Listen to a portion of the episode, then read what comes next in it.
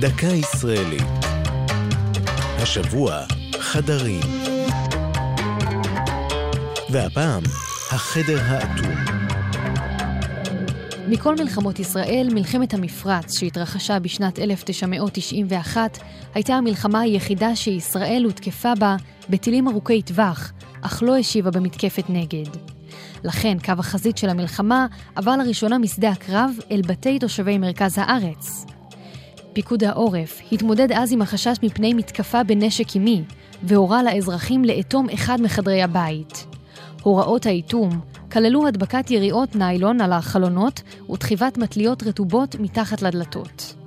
נייר הדבק שאטם את משקופי החלונות נועד למנוע פציעה מהתנפצות הזגוגיות, ואילו המטליות נועדו למנוע דליפת גז פנימה.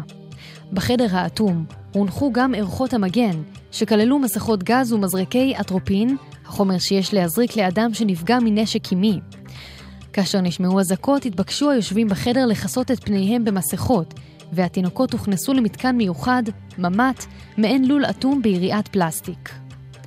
עיראק אמנם לא שיגרה טילים קימיים לעברנו, אבל 39 טילי הסקת שנחתו כאן הובילו למסקנה כי יש לשנות את מערכות המיגון הביתיות כדי להגן טוב יותר על העורף.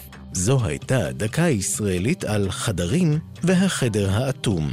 כתבה תום נשר, ייעוץ הדוקטור אורי מילשטיין, ייעוץ לשוני הדוקטור אבשלום קור.